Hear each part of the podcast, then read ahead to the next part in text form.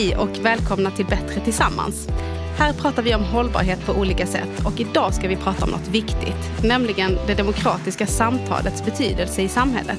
Eller egentligen varför det är så viktigt att det fungerar och att folk vill delta. Med oss har vi Henrik Selin som har jobbat med kultur och mediefrågor i många år. Bland annat som chef för Presstödsnämnden och i flera statliga utredningar om till exempel public service. Sedan 2018 är han huvudsekreterare i en kommitté som heter just Det demokratiska samtalet. De har regeringens uppdrag att undersöka hur sociala medier påverkar människors deltagande i demokratin med ett särskilt fokus på desinformation, propaganda och näthat. Och det här är ju viktigt, eller vad säger du Ida Texell, kommundirektör? Jag tycker det är otroligt viktigt. Sociala medier har en väldigt viktig ställning i hur människor tar information, får information och delar information. Det som jag tycker är viktigt att prata om Eh, och det som Henrik lyfter det är ju hur tonen är emellan varandra. Och hur vi uttrycker oss när vi sitter i våra olika sociala kanaler. Det tycker jag är en väldigt viktig sak att fokusera på och slå an på. Eh, det handlar framförallt tror jag om att förstå att vi alla kan bidra till ett gott samtalsklimat och att vi alla har ett ansvar i att faktiskt eh, kommunicera kloka saker på ett rätt och riktigt sätt. Ja, han, han lyfter ju bland annat vet jag, att man ska vara en god medmänniska. Både på nätet och eh, i riktiga livet. Eh, men ja. att det har, har, stor betydelse även när man sitter ja, vid sin skärm. Absolut, och jag håller till hundra procent med Henrik. Att tänka på att eh, jag har ett ansvar. Det jag gör spelar roll, inte minst för den människa jag själv vill vara, men också för hur andra människor uppfattar mig. Hur andra människor kan må eller känna med hänsyn till hur jag beter mig. Så det tycker jag är en otroligt viktigt och bra anslag av Henrik. Vad tänker du ehm, just kommunens roll när det gäller det här demokratiska samtalet? Vad, vad kan vi bidra med? Jag tänker att vi alla har ett ansvar både för tonen, för faktan och för att dela god och riktig information. Vi som kommun tycker jag har ett särskilt uppdrag i att kommunicera vad som sker i kommunen, hur vi hjälper människor, vilken service vi har och också faktiskt stå upp för det som demokratin vilar på. Det vill säga att vi måste värna och respektera mänskliga rättigheter och friheter. Så att jag tycker att kommuner har en speciell roll med hänsyn till vårt demokratiska uppdrag. Mm, det ska bli spännande att höra vad Henrik säger. Riktigt intressant tycker jag.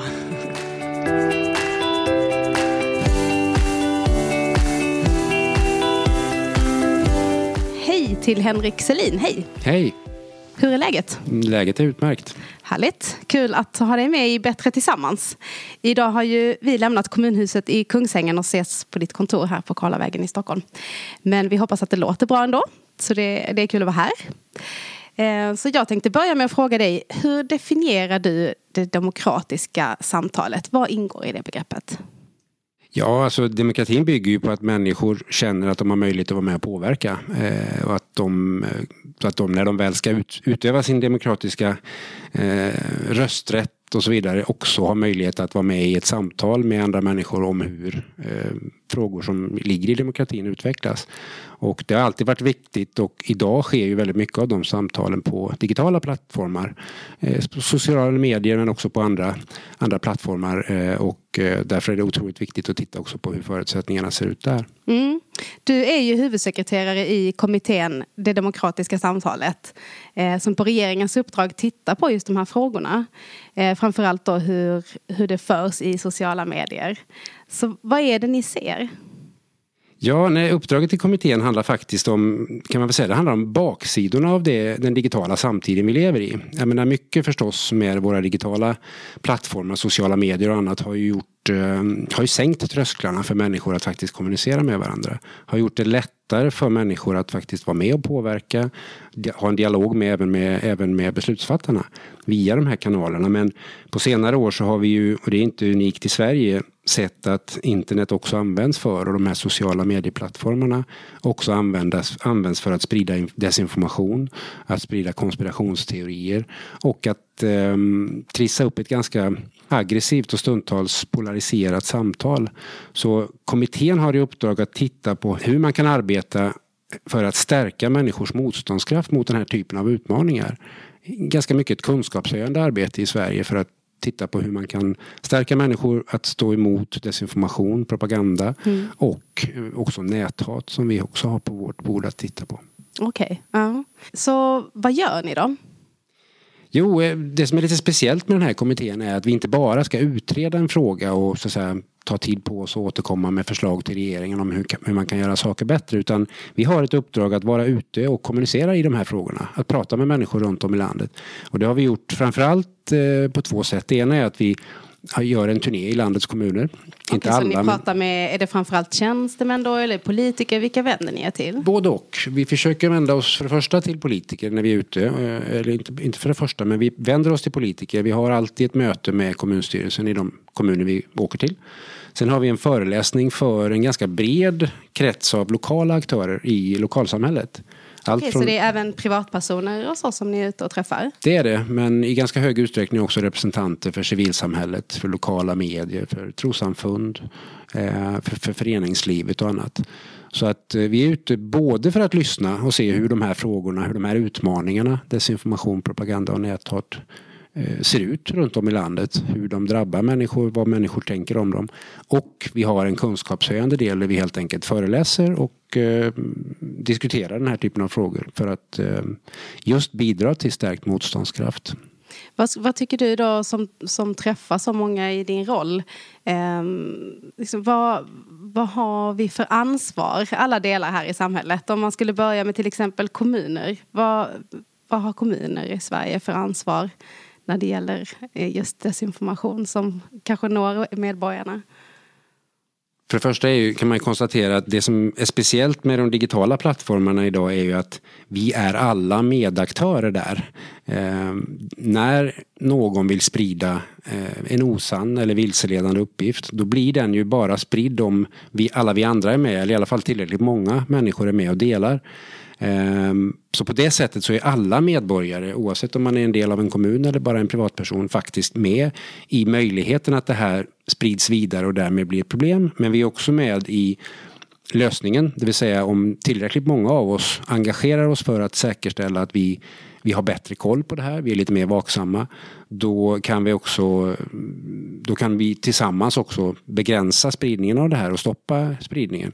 Och när det gäller kommuner så är det förstås så att kommuner har de är ju en av de viktigare demokratiaktörerna på plats lokalt i, ett lokalsamhälle. Så att vår poäng är att kommunen är en av flera aktörer som behöver bidra i det här arbetet. Men jag skulle vilja liksom eh, backa lite eller pausa lite där. Alltså, varför är det så viktigt att vi alla deltar i det här demokratiska samtalet då? Eh, vad händer? Kan man, man tycker det är lite jobbigt, det är svårt att veta vad som är sant eller inte. Man backar. Varför är det ett problem? Bra fråga. Det är naturligtvis så att eh, människor väljer själva om man vill vara med på det här samtalet eller inte. Men återigen, om vi tycker att det är viktigt att människor ska ha möjlighet, eller att det är bra om människor är med och deltar och säger, gör sin röst hörd. Då är det naturligtvis allvarligt om, eller det finns en risk att om ju mer av den informationen vi så att säga, tar del av bygger på att någon faktiskt har försökt vilseleda oss. Eh, för det ser vi också, vi kan komma in på det lite senare, vi ser ganska tydliga exempel på att det förekommer. Och ju mer vi faktiskt fattar våra beslut grundade på eh, information som inte är sann eller som är vilseledande, desto större risk att vi fattar beslut som är felaktiga i, i samhället. Mm. Och naturligtvis när det gäller näthat, ju mer människor känner att man är utsatt för, eller blir utsatt för, att man, man riskerar att bli utsatt för hårt, hårt, eh, hårda tag eller till och med hot och hat på nätet, desto större risk att människor faktiskt tystnar och väljer att inte vara, vara på de här plattformarna. Och det är i sin tur förstås ty, väldigt tydligt eh, skadligt för demokratin. Då, då är det frågor som inte berörs helt enkelt ja, på grund av sådana orsaker? Ja, vi ser ju det exemplet när det gäller både politiker som blir hotade och när det gäller journalister. Att man väljer helt enkelt att, inte alla, men att det finns en risk att man väljer att sluta prata om de frågorna där man märker att det blir starka reaktioner. Eller att man helt enkelt, eh, det har också funnits exempel på det där politiker och journalister faktiskt har valt att sluta på grund av den här typen av på, påhopp. Okej, okay. det låter ju allvarligt såklart. Vad, vad kan man göra åt detta då? Som sagt, kunskapshöjande arbete är ett, en sån åtgärd och det är den uppgiften vi har fått på vårt bord att se till att um, dels själva vara ute under den här tiden som kommittén finns och sprida goda exempel och metoder. För det finns en hel del experter som är duktiga på sånt här. Och det är en del av vårt arbete att sprida deras kunskap till så många som möjligt. Sen kommer vi också som en vanlig statlig kommitté att lämna förslag i vårt betänkande där vi eh, lägger förslag på vad vi tror skulle behövas för att det här arbetet, för det här är ju ett långsiktigt om man vill folkbildningsarbete, på hur ett sådant arbete ska kunna bli långsiktigt och mer, få, få större genomslag helt enkelt. Jag skulle ju vilja veta lite grann om, om, du kan ge lite tips redan nu. Men innan, innan dess så pratade du ju om det här att ni ser tendenser till, eller tendenser, ni ser att det faktiskt eh, är desinformation som sprids i Sverige. Annars eh, så har det ju pratats mycket om så trollfabriker i andra länder och så. Berätta, vad är det, finns det några exempel du skulle kunna ge på när sådant har förekommit i Sverige? Vad det har fått för konsekvenser? Ett exempel är att det svenska valrörelsen eh, som var 2018, det riksdagsvalet, där är ju, det vi minns idag är att det gick ganska bra. Det fanns mycket farhågor om att Sverige skulle, det svenska valet skulle bli påverkat av eh, informationspåverkan utifrån andra länder till exempel. Eh, men det gick ganska bra. Men det vi brukar lyfta när vi är ute och pratar om de här frågorna är att eh, de studier och forskningsrapporter som ändå gjordes på det svenska valet var att det visade att det, på, det pågick väldigt mycket omfattande eh, informationspåverkan. En studie visar att precis inför det svenska valet så, så fanns det försök att påverka eh, och vilseleda från så olika källor som amerikanska högerextrema intressen, ryska intressen, Um, polska nationalistiska intressen och åtminstone en um, islamistisk grupp verksam i Sverige. Okay. Så det är från, från alla håll helt enkelt? Ja, och det är ju intressant i sig att det förekommer på informationspåverkan om det svenska valet från så olika håll. Det tror jag i alla fall är ganska nytt. Eh, om vi tittar bakåt i tiden historiskt så tror jag inte att eh, den typen av aktörer från andra länder har visat ett sådant intresse för ett val i Sverige. Hur kommer det sig att det blev så just i år då? Ska man tolka det som att det är något särskilt, var något särskilt med valet i Sverige 2018 eller är det någonting som alltså händer eh, överallt i, i små och stora länder. Vi har ju sett den typen av informationspåverkan eh, kopplat till val eh, innan det svenska valet. Eh, det, största exemplet är det amerikanska presidentvalet 2016 när ehm, det var väldigt tydligt, visade sig efter, efteråt när Robert Mueller, den amerikanska utredaren, tittade på det här att det var extremt tydligt att eh, ryska intressen låg bakom en väldigt omfattande desinformationskampanj. Och sen har vi också sett liknande sådana eh, kampanjer kring val i Europa som var just före det svenska. Och de handlar ofta om en vilja att destabilisera och skapa osäkerhet i de här nationerna. Eh, vilket eh, absolut inte bara är en svensk företeelse. Får det no fick det några effekter i det svenska valet? Och det, sa, det vi minns är att det gick ganska bra. Um. Alltså dels verkade ju faktiskt, eller gick det ju faktiskt bra. Det svenska valet eh, enligt de bedömare som, eh, som man kan ta del av kunde ju konstatera att det, det svenska valet genomfördes på ett bra sätt. Delvis tror vi att det beror på att vi var uppmärksamma på att det här hade skett i ett antal andra länder. De myndigheter och även kommuner som Eh, arbetade arbetar med att förbereda valet eh, och förbereda den lokala valdemokratin om man vill. De var väldigt förberedda på det här. De eh, var helt enkelt förberedda på att det skulle kunna komma sån påverkan. Så att i den meningen, valet i sig verkar ha klarat sig ganska väl. Samtidigt så är det så att den här typen av berättelser eh, som försöker destabilisera och skapa osäkerhet i ett land om hur saker och ting Eh, Eh, står till, de pågår ju hela tiden. Och gradvis så urholkar de, i risken att de urholkar människors tillit till medier, till myndigheter. Eh, och eh, därmed så kan de ju på lång sikt få större effekt. Mm. Eh, jag tänkte just fråga det, hur ser gemene man den här typen av påverkan? är det, är det, vad är det man ska hålla utkik efter i sitt eh, Facebookflöde eller på andra sociala medier? Ja, en sak som, är, som jag tycker är väldigt intressant att prata om också när vi är ute det är ju återigen det här att det handlar ju om var och en av oss och forskning visar att vi människor är väldigt vi, vi, vi har lätt för att luras av våra känslor. Eh, det visar sig att eh, forskningen visar att vi söker som människor bekräftelse på det vi redan vet. Det kallas på engelska för confirmation bias, att vi är bättre på att söka ett mönster som passar med den uppfattning vi redan har när vi tar del av information. Ja, vi gillar det och blir bekräftade helt enkelt. Ja, och det är en annan sak som hänger ihop med det här är att när någon presenterar motbevis på någonting som vi tycker, då har den, då, då, som människor så fungerar vi som psykologiska varelser så att vi har svårare att ta till oss sådana motbevis eh, trots att vi ser att de faktiskt finns. Um, men sen kan man väl säga att när man väl som privatperson eh, är ute på sociala medier och digitala plattformar så är det ju inte alltid lätt att veta eh, vad som är falskt eller sant. Mycket av det som finns på sociala mediekanaler ser ju likadant ut oavsett varifrån det kommer. Men vi brukar säga att när man ser någonting som gör en upprörd eh, då kan det vara klokt att andas en sådär 5 till 8 sekunder och fundera är det här verkligen någonting som jag vill dela vidare? Därför vad som händer när jag delar en, till exempel en länk till en artikel vidare, det är att alla mina följare som litar på mig tror att det där är sant. Eh, så att eh, det, det där knepet är väl ett av de bästa man kan egentligen förmedla. Paus. Paus och andas en stund. Det visar sig också forskning, i och för sig från USA, men att så mycket som 70 procent av alla artiklar som delas på Facebook och Twitter har inte blivit lästa. Så att väldigt många människor delar vidare länkar med ofta en väldigt uppseendeväckande eller upprörande rubrik. Men de har faktiskt inte själva klickat på länken och läst den. Okay. Och det är väl ett exempel mm. också på att vi alla kan fundera på att ska vi dela någonting av den typen så kan det vara klokt att läsa eh, artikeln först. Okej, okay, bra tips. Andas, var inte lat helt enkelt. Läs. Så kan man uttrycka det. Ja.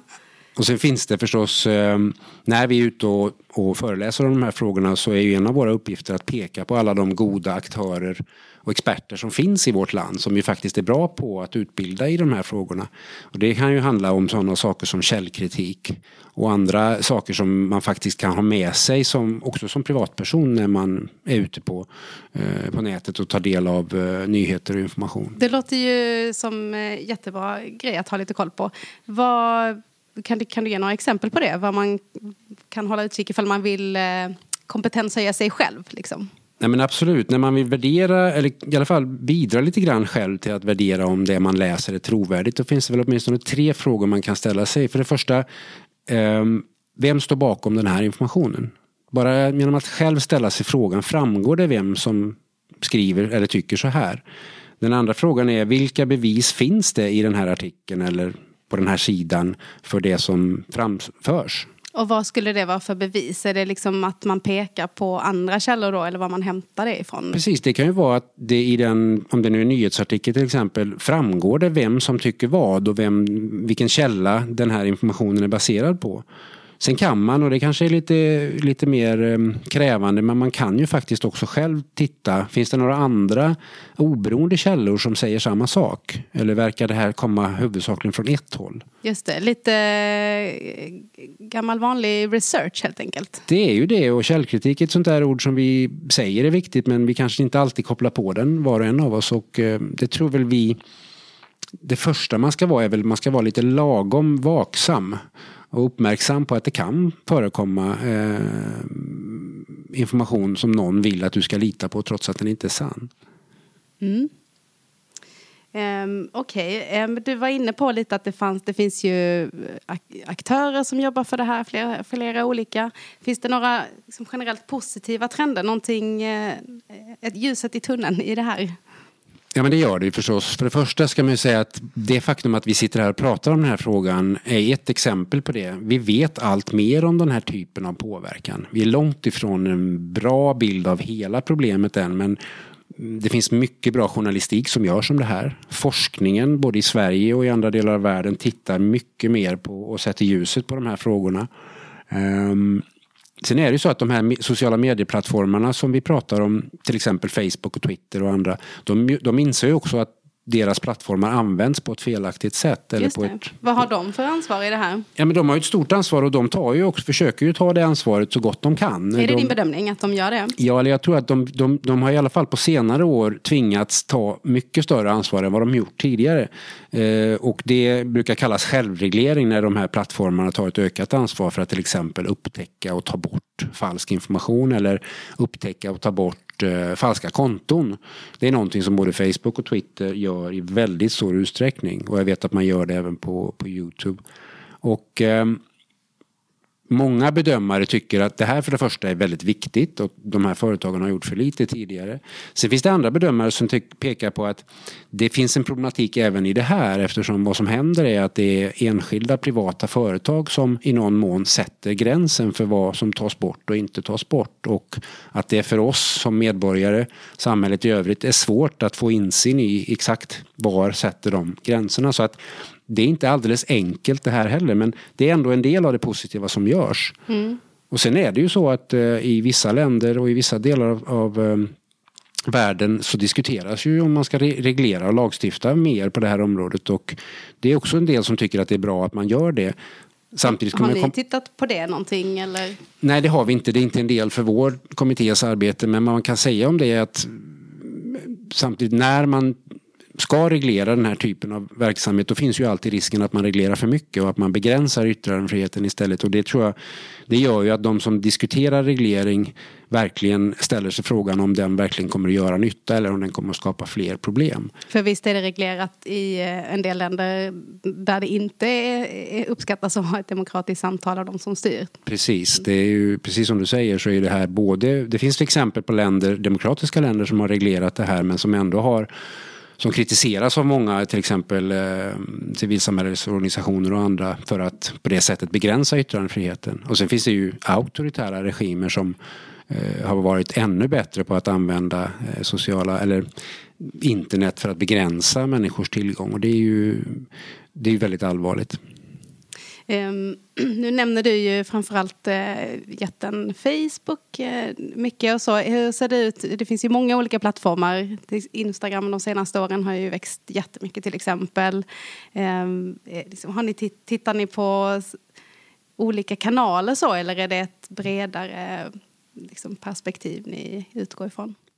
Vi tittar väldigt brett på förekomsten av den här typen av problem på alla möjliga plattformar och egentligen ligger ju inte vårt intresse på plattformarna som sådana. Så att du har helt rätt i den meningen att det är inte bara de stora eh, utan mm, risken att bli utsatt för eh, antingen eh, osanningar eller desinformation eller eh, näthat.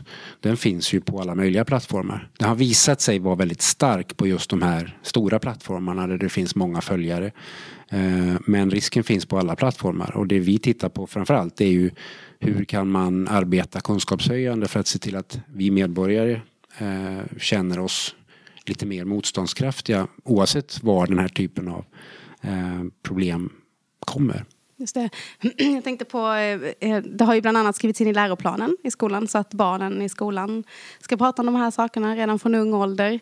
Och eh, att den här känslan av att kunna vara med och påverka är ju ganska stark hos den unga generationen som, som ju alltid har haft tillgång till sociala medier. Men hur ser det ut, liksom, är det någon skillnad när det gäller hur man påverkas av desinformation? Eh, liksom, är de mer källkritiska än sina föräldrar till exempel? Jättebra att du också lyfter den positiva detaljen att de här frågorna har sedan ganska länge blivit en naturlig del eh, i skolan. Eh, och där i skolan och ska vi säga, i biblioteksvärlden är två exempel på arenor där man ganska länge har jobbat med de här frågorna. Och precis som du säger så riktas den typen av kunskapshöjande arbete till barn och unga.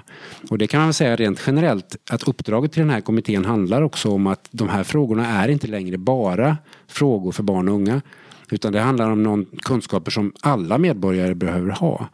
Eh, det var någon som uttryckte det som att vi kan inte vänta tills barn och unga blir vuxna medborgare och tar ett större ansvar utan det här gäller också för eh, den vuxna befolkningen och även de äldre människorna i vårt land som sannolikt inte alls har kunnat tagit del av någon, någon utbildning i de här frågorna. Sen finns det, forskningen är inte helt entydig här, men det finns en hel del som tyder på att nej, barn är inte nödvändigtvis mer källkritiska än vuxna. Barn är oerhört duktiga på och väl förtrogna med tekniken. Och antagligen finns det en del som säger att de är ganska bra på att vara vaksamma, källkritiska. Men källkritik innehåller ju så många mer aspekter. Det innehåller, innehåller också en förmåga att kunna värdera information överhuvudtaget. Så att mm. när de, de forskare vi har tittat på som tittar på källkritiken och tillståndet hos befolkningen är att den, det finns ganska begränsade kunskaper både hos unga och äldre och att det finns anledning att jobba med den här typen av ja, att prata mer om de här frågorna helt enkelt med alla delar av befolkningen. Mm, Okej. Okay. Ja, men spännande, vad kul att du eh, hade möjlighet att eh, berätta lite. Är det, är det någonting mer du skulle vilja liksom skicka med till eh, lyssnarna här? Du, du hade ju några bra tips där om att andas och eh, tänka efter, inte vara för lat. om man vill veta mer om detta, vart vänder man sig då? Ja, jag skulle vilja bara lyfta också för vi, vi har inte hunnit prata så mycket om näthatet. För det är klart, det är ju en av de stora utmaningarna som både drabbar, som vi har varit inne på, eh, politiker och journalister. Men det drabbar ju också vanliga människor. Det drabbar barn och unga i väldigt hög grad. Och det vi lite glömmer av ehm, eh, är att, att vara en medmänniska är otroligt viktigt även på nätet. Så att när man ser någon bli utsatt för näthat så ska man försöka tänka att den där personen kommer nog antagligen behöva stöd. Eh, och de som är duktiga på det här brukar säga att gå inte in och ge stöd eller kommentarer till den personen i den tråd som är problemet. Utan eh, hör av dig till den personen på sms eller ring eller sök upp personen och säg att jag såg vad som hände och det måste kännas jobbigt. Varför eh, ska man tänka så? Nej men det är för att ge stöd till den här typen av personer, till, till, till personer som blir utsatta för den här typen av det, påverkan. Det förstår jag, men jag menar just att man skulle välja en annan eh, en annan kanal än där problemet ligger. Jo, men det hänger ihop med att det som är speciellt med den här typen av näthat det är ju att den enskilde personen kanske inte alltid skiljer på den där riktigt hatfulla kommentaren som finns i en tråd, i en tråd av kommentarer. Utan, och det, det som sen är svansen av alla möjliga människor som sprider samma sak vidare genom att kommentera. För att även om du som eh, är en positiv person går in och kommenterar någonting positivt då finns ju risken att svansen fortsätter. Den ursprungliga problematiska, eh, om det handlar om en delning som bygger på att den här personen är ja, är på ett visst sätt eller om det är någonting taskigt som uttrycks. Risken är att man helt enkelt sprider också problemet ja, vidare. Man matar tråden Ja, okay. precis. Mm. Och, mm. Men sen är det ju också så, precis som du säger, att det finns ju också vikten av att vara en medmänniska eller en person som säger ifrån. Det finns ju också anledning att ibland gå in i trådar och säga ifrån. Det, har ju, Men, det finns ju ett sånt initiativ, Jag är här, som ju har växt, eller som är jättestort på Facebook där folk uppmanar varandra att nu är det någon som råkar illa ut här. Nu stormar vi den tråden med kärlek. Ja, så, så kan man göra och det, det, jag tror det viktiga är inte att nödvändigtvis alltid hitta en annan kanal men det viktiga är att tänka på att även att lajka ibland eller att, så att säga, kommentera i en tråd. Det bidrar också till den här känslan av att vara utsatt för ett drev för en person. Så att precis som du säger, att, att bomba personer med kärlek och visa att man tänker på dem är viktigt. Eh, och vi tenderar kanske att glömma det för vi tror att det som sker på nätet kanske inte är riktigt lika verkligt. Men för den som blir utsatt så är det i hög grad verkligt. Och sen är det ju också så att det som sker på nätet idag och handlar om hot och hat på riktigt. Det är ju olagligt i väldigt stor utsträckning. Och eh, det finns en problematik i Sverige som gäller både politiker och eh, vanliga medborgare. Det är att vi anmäler vi är, vi är benägna att anmäla den här typen av brott till polisen mycket mindre utsträckning än vad vi borde. Okej. Okay. Mm. Och det säger många beror på en känsla av att det leder väl ändå ingenting Eh, till om jag gör det. Därför det kommer ändå inte bli eh, utrett eh, och ingen kommer att ställas till svar. Och delvis är det ju sant. Det har varit så fram till idag. Det är väl en del av de saker vi håller på att lära oss som samhälle att att eh, brott som begås på nätet tenderar att betraktas som lite annorlunda och kanske mindre, mindre relevanta än de är om de begås i verkliga livet så att säga, eller i köttet. Men det, det är också en uppmaning som vi noterar när vi träffar organisationer som arbetar med det här att man måste så långt man kan, eh, om man orkar, polisanmäla därför att dels är det viktigt för att synliggöra att den här problematiken finns och dels är det enda sättet att få så att säga, sätta tryck på att det här faktiskt utreds av polis och leder till åtal. Men eh, ska jag tolka det då ändå som att det har skett en förändring och att det faktiskt utreds mer och att det tas det på större allvar inom rättsväsendet också? Det tror jag att det gör. Eh, det beror på vem du frågar i och för sig men eh, regeringen har fler, under flera tillfällen givit, regering, eh, förlåt, givit polisen i, i uppdrag att ta de här frågorna på ökat, all, i ökat allvar. Polisen säger själva att man nu håller på att bygga upp en starkare kompetens att utreda sådana här brott. Eh, flera av dem vi pratar med som har varit utsatta tycker fortfarande att det går för långsamt och att det är alldeles för stort gap mellan eh, det faktum att de här frågorna ju är lika olagliga som om de hade skett i så att säga vanlig i en vardaglig situation som på nätet. Det är ett för stort gap mellan det och eh, faktisk utredning och faktiska åtal. Men ja, vi får ändå intrycket av att vi rör oss åt rätt håll. Okej, okay. det känns ju positivt. Ja, det, det, är en av de saker som vi hoppas eh, kommer fortsätta gå åt rätt håll och att eh, för de som blir utsatta tror jag många tycker att det behöver gå fortare också. När det gäller liksom barn barn och eh, hat på nätet eller liksom mobbing och sånt som skolorna ju i flera år har, har haft stora problem med. Um, hur ska man tänka kring det? För där är det kanske inte riktigt samma. Det är ju inte straffmyndiga personer. Det är ju... Ehm, liksom, de, eh, ser ni att det är lättare att vara taskig sådär, på nätet just när det gäller barn? Ja, det, för det första ska jag säga att det inte är vårt specialområde men vi har ju tittat även på barns utsatthet och eh, det finns ju flera initiativ bland de aktörer, det glömde jag säga också för övrigt att det, andra saker som är positivt är att det är fler aktörer i samhället som reagerar på både frågor om desinformation, propaganda och näthat. Det är allt fler som vill engagera sig för att jobba med det här. Och eh, ett exempel på det är eh, prinsparets eh, stiftelse med prins Carl Philip och, och, prinsessan Sofia som har en stiftelse som vi har faktiskt gjort en del saker tillsammans med som lyfter just barns utsatthet eh, för ehm, näthat. Eh, och som har givit ut en eh, antologi där vi också medverkar med en mängd olika kunskapspersoner som skriver om det här och dels konstaterar man väl att det är mycket enklare idag. Alltså mobbning har alltid funnits. Många av de här problemen vi pratar om har alltid funnits men det har blivit mycket enklare att eh, sprida den här typen av information och eh, det gör att det är mycket lättare att bli utsatt.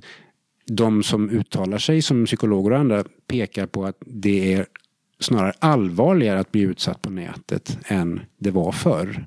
Därför att kränkningen sprids till många fler. Den finns kvar mycket längre genom att den finns på nätet.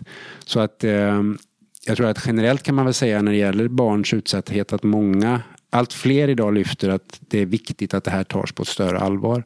Och även om man inte kan lagföra personer och eh, för att de inte är straffmyndiga så, måste, så antar jag att man pekar väldigt mycket på både på vad skolor ska göra men också på vad vi som medmänniskor och föräldrar ska göra. Eh, därför att det är ett stort utbrett problem bland väldigt många barn. Men eh, precis. Eh, om, om vi skulle då liksom knyta tillbaka till namnet på Eh, ert uppdrag som ju är det demokratiska samtalet. Hur ska vi se på det framöver då? Hur ska, hur ska vi känna inför att eh, kasta oss in i debatter och eh, ska man våga göra det även på nätet? Bra fråga. Det här är ju en av demokratins stora utmaningar förstås. Hela tiden hur man ska kunna göra det möjligt för fler människor att känna att man ska kunna delta i ett samtal med, med, med andra människor om hur demokratin utvecklas. Eh, det, som sagt, det är en långsiktig ehm, utmaning i sig. Sen tror vi väl att det är ju fantastiskt. De här plattformarna och de här möjligheterna på digitala plattformar är ju fantastiska arenor för också demokratiska samtal och vår förhoppning är väl förstås att inte bara vårt arbete utan det arbete som en mängd olika aktörer jobbar med varje dag för att göra nätet en tryggare plats och för att göra eh, ja, de här utmaningarna mindre effektiva kommer att leda till att fler människor kommer att vilja göra sin röst hörd även på digitala plattformar. Mm, vi får hoppas det. Det får vi göra. Ja. Som en avslutning så tänkte jag eh, köra tre snabba frågor med dig. Eh, vilka sociala medier använder du själv? Jag använder Twitter, Instagram och i ganska liten utsträckning Facebook. Favorit Youtube-klipp när du vill skratta? Ja, jag skulle säga Monty Python, men det, för det, det är ju sånt som en man i min ålder brukar säga. Och det brukar jag söka upp ibland, men faktum är att Faktum är att eh, mina barn är väl de som ger mig de mest roliga klippen som jag skrattar åt idag. Ja, och de kan vara många olika typer. Hur mycket skärmtid per dag? Alldeles för mycket. Okej. Okay. Ja, men stort tack för att du var med i Bättre Tillsammans. Tack.